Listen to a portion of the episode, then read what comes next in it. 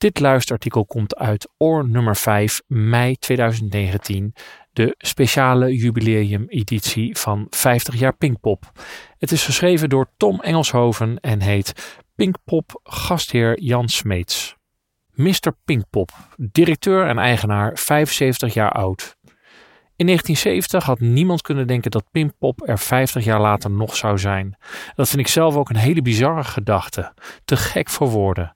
Maar ja, het is gebeurd. Ik kan er niks aan doen. En nog achter elkaar ook, zonder ooit één jaar over te slaan. 50 jaar Pinkpop in Smeets eigen woorden. Op de eerste Pinkpop in 1970 speelde ook de Limburgse groep The Dream. Die waren toen voorprogramma geweest van Pink Floyd.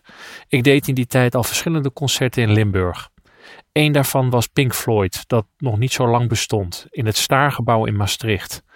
The Dream sloeg veel beter aan, die waren populairder en succesvoller. Later kun je je dat niet voorstellen, maar in die tijd was de muziek van Pink Floyd een ratje toe. Ik heb dat programma van de eerste Pinkpop samengesteld. Yes en The Gun kwamen niet opdagen. Alleen George Baker had ik niet zelf gecontracteerd. Die stond er omdat één man in het bestuur een groep wilde voor werkende jongeren. En dat was George Baker. Ik vond het twee keer niets. Maar goed, hij is wel gekomen en hij had nog succes ook. Je had toen twee jongerencentra in Maastricht. De Bergmans voor de werkende jeugd en de Combi voor de studerende jeugd. De leiding was in handen van paters Jesuiten. Paters Frits van der Ven was een geweldige vent. In 1969 vroeg hij of ik bij de Bergmans kwam werken. Ik kreeg een arbeidsovereenkomst als amusementsmanager. Je had ook pater van Tulder.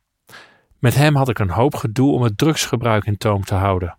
Als er twee mensen gepakt werden, leek het net alsof de hele stad aan de drugs zat. Maar zo was het natuurlijk niet.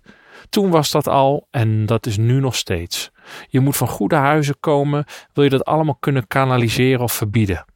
Ik organiseerde toen al popconcerten met Peter en zijn Rockets. Ik was de president van zijn fanclub. Hij was de allereerste popster van Nederland. Ik heb de poster nog. Peter en zijn Rockets, Teenager Talentenjacht in 1961. Dat was het eerste festivalletje dat ik organiseerde. In Grevenbricht. Waarom in Grevenbricht? Omdat daar de mooiste meisjes woonden. Iedereen werkte mee. Mijn vader, mijn moeder, mijn ooms, de een aan de kassa, de ander aan de garderobe. Het was uitverkocht. Later heb ik de Karna opgericht, een soos in mijn dorp Einighausen. Karna was een afkorting van carnaval. Vlees geworden plezier heette dat. We gingen vaak naar Paradiso en naar Utrecht. Daar was van alles aan de hand. In mijn eigen dorp deed ik de eerste love in. Dat was iets wat op dat moment opkwam. De pastoor en de burgemeester, die waren in die tijd de baas, verboden het. Ik had suikerklontjes uitgestrooid. Ze dachten dat daar LSD in zat. Die klontjes zijn opgestuurd naar Utrecht om te onderzoeken in een laboratorium. Hoe gek kun je het bedenken?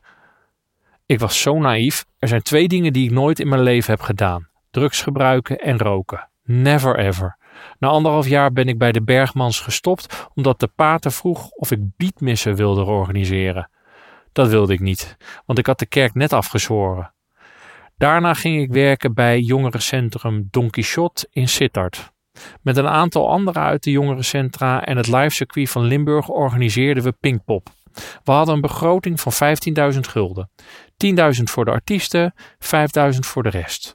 Een kaartje kostte 2,5 gulden. We maakten dat eerste jaar 10.000 gulden winst. Toen hebben we ons laten fotograferen met allemaal briefjes van duizend achter ons op de muur geprikt. Wat hebben we daar een lol om gehad. We organiseerden vervolgens een tweede, derde en vierde Pinkpop. En toen zei het bestuur van Don Quixote: Je moet nu een keuze maken: Don Quixote of Pinkpop. Toen heb ik gekozen voor Pinkpop. In het begin ging het crescendo, tot en met de twaalfde, met U2. Maar begin jaren tachtig kwamen de stadionconcerten opzetten. Daar hadden wij grote problemen mee. Ik ben onderuit gegaan in 1985. Pinkpop 1985 was een slechte. Daarna heb ik heel hard moeten saneren. Ik was toen in dienst van de stichting die Pinkpop organiseerde. Ik heb gewoon gezegd: dan betaal je me maar niet. Een jaar lang heb ik geen salaris gekregen. Ik was in die tijd al manager van Urbanus en daar kon ik mij een leven houden. In de tussentijd kon ik links en rechts rondkijken of iemand mij wilde helpen. Leon Raamakers was al leverancier vanuit Mojo naar Pinkpop. Toen hebben we uiteindelijk maar besloten om te gaan samenwerken. Hij zei op twee voorwaarden: een podium erbij en van de gemeente geleen gedaan krijgen dat het programma later dan tot 8 uur 's avonds mag doorgaan. Leon had de Cure achter de hand. Dat werd een succes. 50.000 man. Dat was een sensatie. Maar we hadden toen ook pech. Stevie Ray Vaughan kwam niet. Die was bang om te vliegen omdat er dat jaar een groot vliegtuigramp had plaatsgevonden. In het begin was Pinkpop vergeven van de folkmuziek. Dat was ook populair. Ik was zelf fan van Fairport Convention en de Incredible String Band. Toen kwam de rocker in met acts als Dio. De beste aflevering was eigenlijk die van 1992 met Lou Reed, The Cult, Pearl Jam en Rowan Haze. Dat was heel slecht weer, maar een goede sfeer en heel druk. In 2005 hadden we een hele slechte. Ik bleef vasthouden aan het Pinksterweekend vanwege het woordje Pinkpop. Mojo maakte dan wel het programma, maar ik stelde het budget vast. Voor Pinkpop 2005 wilde ik niet over de miljoen heen gaan. Daar kregen we dus niets voor. Dat was echt wel een kutprogramma. Fateless voor de vijfde keer. Daar trokken we niet meer dan 20.000 mensen mee. Toen zei Mojo: Luister Jan, allemaal leuk en aardig, maar wat doe je volgend jaar? Zeg het maar, anders doen we niet meer mee. Toen hebben we natuurlijk wel twee keer zitten krabben. Ik hoefde niet te saneren, want er zat voldoende in de kas. Ik kon alles aan iedereen betalen. Ik heb toen voor 2006 het programmabudget verdubbeld naar 2 miljoen. Kwam Mojo onmiddellijk met de Red Hot Chili Peppers voor een half miljoen. Zo hebben we Pinkpop weer opgebouwd. Inmiddels heeft het programmabudget de magische cijfers van 9 miljoen bereikt. Daar begin ik me wel zorgen over te maken. Waar eindigt dat? De vervelendste act? Er is er maar eentje die ik heb onthouden: de Cult. Tijdens die fantastische, maar ook beruchte editie waar het zo nat was. Ja, die hielden niet op, die hadden hun neus volgestopt. Dat was één grote poederdoos. Die zanger, Ian Astbury, riep naar het publiek: You paid a lot of money for this fucking Pinkpop. En wie waagt het om jullie naar huis te sturen? Ik dacht: Wat is die allemaal aan het ouwe hoeren? We hebben een vergunning en daar wil ik me aan houden. Klaar. Jij gaat hier niets bepalen. Dus ik heb het op het podium gezegd. Pinkpop is op Pinkstermaandag en niet op Pinksterdinsdag. Toen heb ik een microfoon kapot gegooid van de kwaadheid. Dat was dan weer 800 gulden. Dat soort dingen. Dat was eigenlijk de enige. Vaak was het omgekeerd. Peter Wolf van de J. Gaals Band was een dag voor zijn show bont en blauw geslagen op een toilet in Londen. Ze dreigde te cancelen. Toen heb ik hem in Maastricht naar een dokter gestuurd die hem als een wielrenner heeft opgelapt met een paar spuitjes. Hij voelde zich helemaal prima. Terug op het terrein zegt hij: I love this fucking great goddamn festival. Dat was ook een optreden, dat was zo legendarisch. In hun rider stond dat we 30 baccarat-roosters moesten regelen. Een enorme opgave om die te vinden. Hij schopte ze één voor één kapot tijdens hun nummer Love Stinks. Dat zal ik nooit vergeten, onvoorstelbaar. Toen zei hij: Je moet een keer bij me langskomen in Amerika. Dat heb ik niet gedaan, daar had ik de tijd nooit voor. Eten met artiesten? Nee, nee. Met de Stones? Nooit. Ik sta wel met ze op de foto, in 2014. Mick Jagger heeft een hekel aan fotografen. Het duurde een hele tijd voor hij uit zijn kleedkamer kwam. Na de hand heb ik met Keith Richards en Ron Wood zitten praten. Jagger had hen nooit verteld dat hij in 1979 op Pinkpop was. Dat vonden ze best vreemd. Op Pinkstermaandag met een charter vanuit Londen naar hier vliegen. Dat doe je niet zomaar. Hij moest hier naartoe komen omdat hij een platenmaatschappij had opgericht en daar stond Pieter Tosh onder contract. Hij had beloofd dat hij bij Don't Look Back zou meezingen, maar hij was een beetje dronken.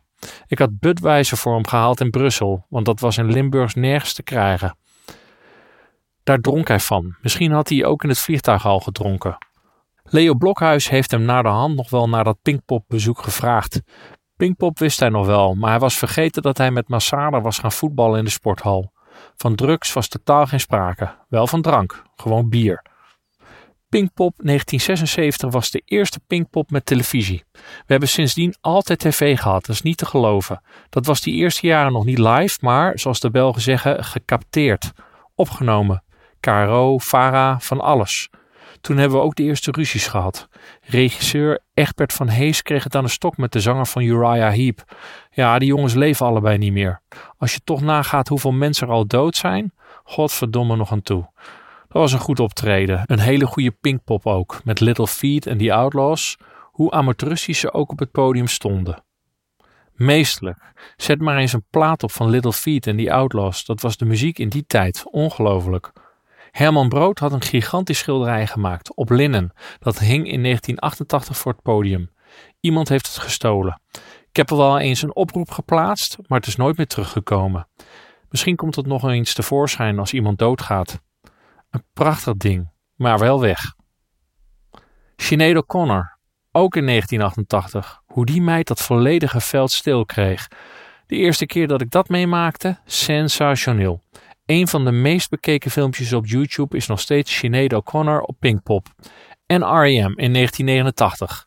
Dat had niet veel geschild of het was gecanceld. Zo ziek was die drummer. Ramstein in 2002? Nee, dat was niet de artiest die te ver ging. Het was het publiek dat een beetje kut deed. Die stonden pol uit het gazon te trekken en naar het podium te gooien. Toen heb ik gezegd: Jongens, jullie kunnen mee doorgaan, maar dan stop ik. Dan ga je maar naar huis. En ze stopte. Ze stopte gewoon. Ja, ik krijg het voor elkaar om meuten stil te krijgen. Ik kan het ook niet helpen. Dat is mij nog altijd gelukt. Afkloppen.